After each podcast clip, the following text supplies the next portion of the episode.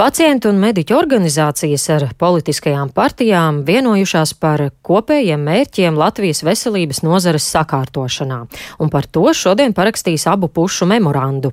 Tā mērķus un tālākos soļus skaidrošu sarunā ar vienu no memoranda parakstītājiem - Latvijas jauno ārstu asociācijas valdes priekšsādātāju Artūru Šilovu. Esam sazvanījušies. Labrīt! Labrīt! Kāpēc šāds memorands ir nepieciešams? Es teiktu, ka galvenais iemesls, protams, ir uh, nākamās saimnes vēlēšanas un uh, tas, ka politiķi jau kā jau pirms katrām vēlēšanām neskopojas ar daudziem uh, solījumiem, um, daudziem, teiksim tā, risinājumiem, bet bez jebkādas konkrētības. Un šis memorands palīdz diezgan konkrēti un skaidri pateikt, kas tad būtu tās lietas, pie kurām vajadzētu strādāt un ļoti labi papildina partiju programmas, kurās pēc būtības um, skaidrā valodā nav pateikts nekas, kas tad būtu uzlabojams vai tikt uzlabots gan pacientiem, gan um, medicīnas uh, nozares, nozarē strādājošiem šajos četros gados.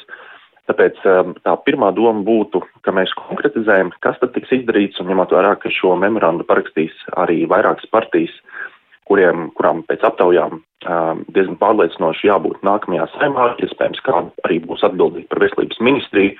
Un neatkarīgi patiesībā, ja, ja pat nebūs tā partija un cilvēki atbildīgi par veselības ministriju, viņi uzņemās šo atbildību, ka viņi, viņiem arī veselības aprūpe būs, būs prioritāte. Savā ziņā mēs, protams, nelolojam, mēs neesam naivi, tas naivums jau sen ir beidzies, mēs nelolojam cerības, ka pēkšņi memoranda parakstīšana tagad atrisinās visas problēmas un jauno saimu, jaunu ministru kabinetu pēkšņi visas lietas, par kurām mēs runājam pēdējos desmit gadus, būs atrisinātas. Kas ir tas, ko jūs, kā jaunie ārsti, līdz ar šo memorandu sagaidāt no politiķiem?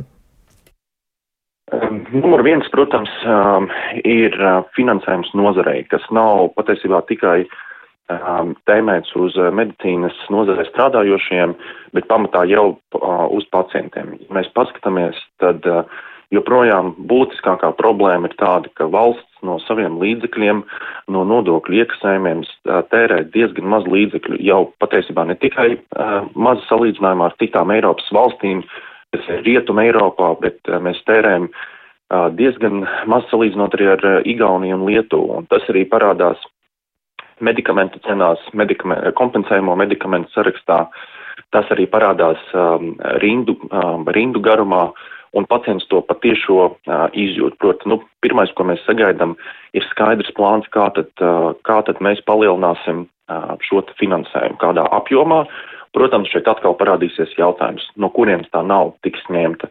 Vai nu mums ir jāpārdala no citām nozarēm, vai nu mēs meklējam iekšēji uh, nozarē, kur jau tā naudas trūkst. Tas ir tas galvenais būtiskākais jautājums, par kuru patiesībā arī šodien uh, vakarā mūsu rīkotajā diskusijā un debatēs mēs, uh, izjautāsim politiķus. Um, otrais, protams, mēs sagaidām ne tikai finansējumu, bet arī reformas. Reformas, kas skartu algas, reformas, kas skartu um, slimnīcas, proti slimnīcas līmeņošanu, skaidru sadalījumu, kurš ko dara, kurš ar ko nodarbojas, lai tie medicīnas pakalpojumi būtu ne tikai uz papīra pieejami, lai cilvēki ne tikai būtu pieejami uz papīra, proti medicīnas personāls, bet arī būtu atbilstoša kvalitāte, kas, kas nodrošinātu pacientam uh, arī nu, reālo, reālo medicīnisko palīdzību.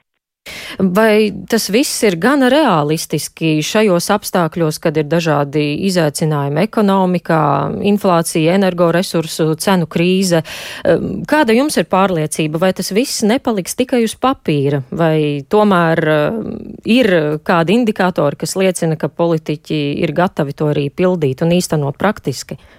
Nu, redziet, tas, tas ir labs jautājums, par kuru mēs paši savā starpā ļoti daudz diskutējam. Protams, mēs jau nedzīvojam izolēti un mēs esam labi informēti un labi saprotam par ģeopolitisko situāciju, par izaicinājumiem energoresursu krīzē, par izaicinājumiem ar, ar visu inflāciju. Mēs, mēs ļoti labi šo visu apzināmies, un tad ir, mēs, es teiktu, ka mēs pēdējo gadu, vai, nu, teiksim, sākot ar šo gadu, bijām um, diezgan saprotoši arī tādā publiskā, publiskā retorikā saprotat, ka mums būs nepieciešams finanses arī aizsardzībai, mums būs nepieciešama, un es joprojām teiktu no Latvijas jaunā ārsta asociācijas puses, mēs sakam, svarīgākais šobrīd ir parūpēties par cilvēkiem, kuriem šī, šīs visas krīzes, um, kurus sitīs visvairāk, proti tie ir pensionāri, tie ir vis, vismazāk aizsargātais iedzīvotāju slānis. Un, uh, tas nemaina faktu, ka mēs varam aizmirst par, par finansējumu veselības aprūpē, mēs varam aizmirst par jebkurām reformām un visu laiku nodarboties ar publisko demagoģiju, ka mums ir simts un citas problēmas. Un te ir jautājums par, par prioritātēm. Um, mē, kā jau teicu, mēs varam par visu aizmirst un nekādā veidā veselības aprūpē neko nedarīt, bet uh, tad politiķiem ir skaidri jāpasaka, ka iedzīvotājiem nav jēgas gaidīt uh, nekādus uzlabojumus. Mūsu ieskatā uh, tikpat svarīgi, kā dot ieguldīt naudu aizsardzības uh, jomā, ir tikpat svarīgi ieguldīt veselības aprūpas jomā, jo tas ir viens no uh, valsts balstiem.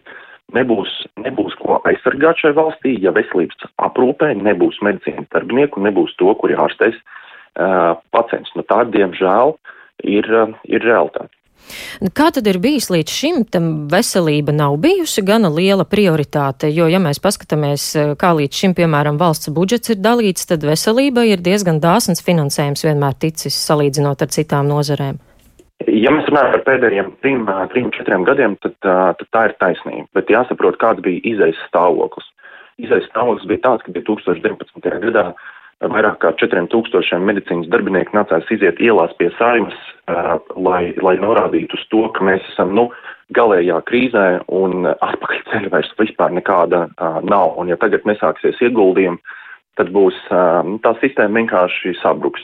Ieguldījumi ir bijuši, bet tā, tā baža, par kuru mēs jau esam arī iepriekš runājuši, Mēs nevaram ieguldīt trīs gadus un pēc tam aizmirst par veselības aprūpu atkal uz 15 gadiem. Nu, tā, tā, ir, tā ir mūsu realitāte pēdējos 30 gados. Mēs kaut ko iedodam uh, vienu reizi un uzskatām, ka desmit gadus izmantojam publisku retoriku, tīpaši politiķi, ka rekur naudas ir, ja nauda ir ieguldīta, lūdzu, uh, dodiet rezultātu, mēs joprojām neredz, neredzam, ka kaut kas uzlabojas. Bet arī ar šiem visiem ieguldījumiem, neskatoties uz to, ka piecu gadu laikā veselības aprūpas budžets palielinājās divas reizes, mēs, kā jau teicu, mēs joprojām stipri atpaliekam no Igaunijas, Lietuvas.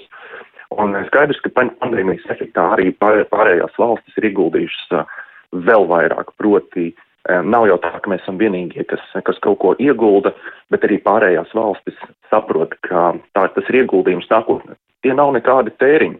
Pa lielam tas ir ieguldījums, ko mēs pēc tam iegūstam atpakaļ, jo cilvēkiem ļauts un dodam iespēju atpakaļ atgriezties ātrāk darba, darbā. Viņi nekļūst ļoti daudzi par, par invalīdiem, viņi ir spējīgi strādāt, maksāt nodokļus un tādā veidā valsts iegūst. Mm. Memorands ir divpusēja sadarbība. Kas ir tas, ko apņemas paši ārsti? Šajā gadījumā mēs arī līdz šim esam bijuši pragmatisks partners arī visos jautājumos par reformām. Mēs brīžos, kad bija nepieciešams kritizēt, mēs kritizējām, kad bija nepieciešams dot pragmatisku viedokli, mēs, mēs piedalījāmies, mēs nestāvam malā un negaidām, ka politiķi atnāks vai veselības ministrija atnāks un noliks visus paplāts, iedos finansējumu, izdomās visideālākās reformas.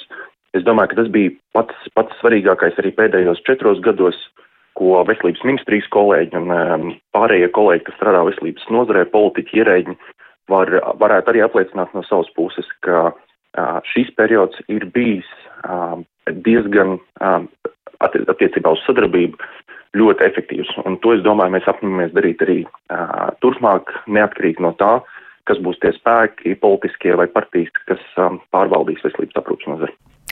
Paldies jums šorīt par sarunu. Sazvanījos ar Latvijas Paldies. Jauno ārstu asociācijas valdes priekšsādātāju Artūru Šilovu.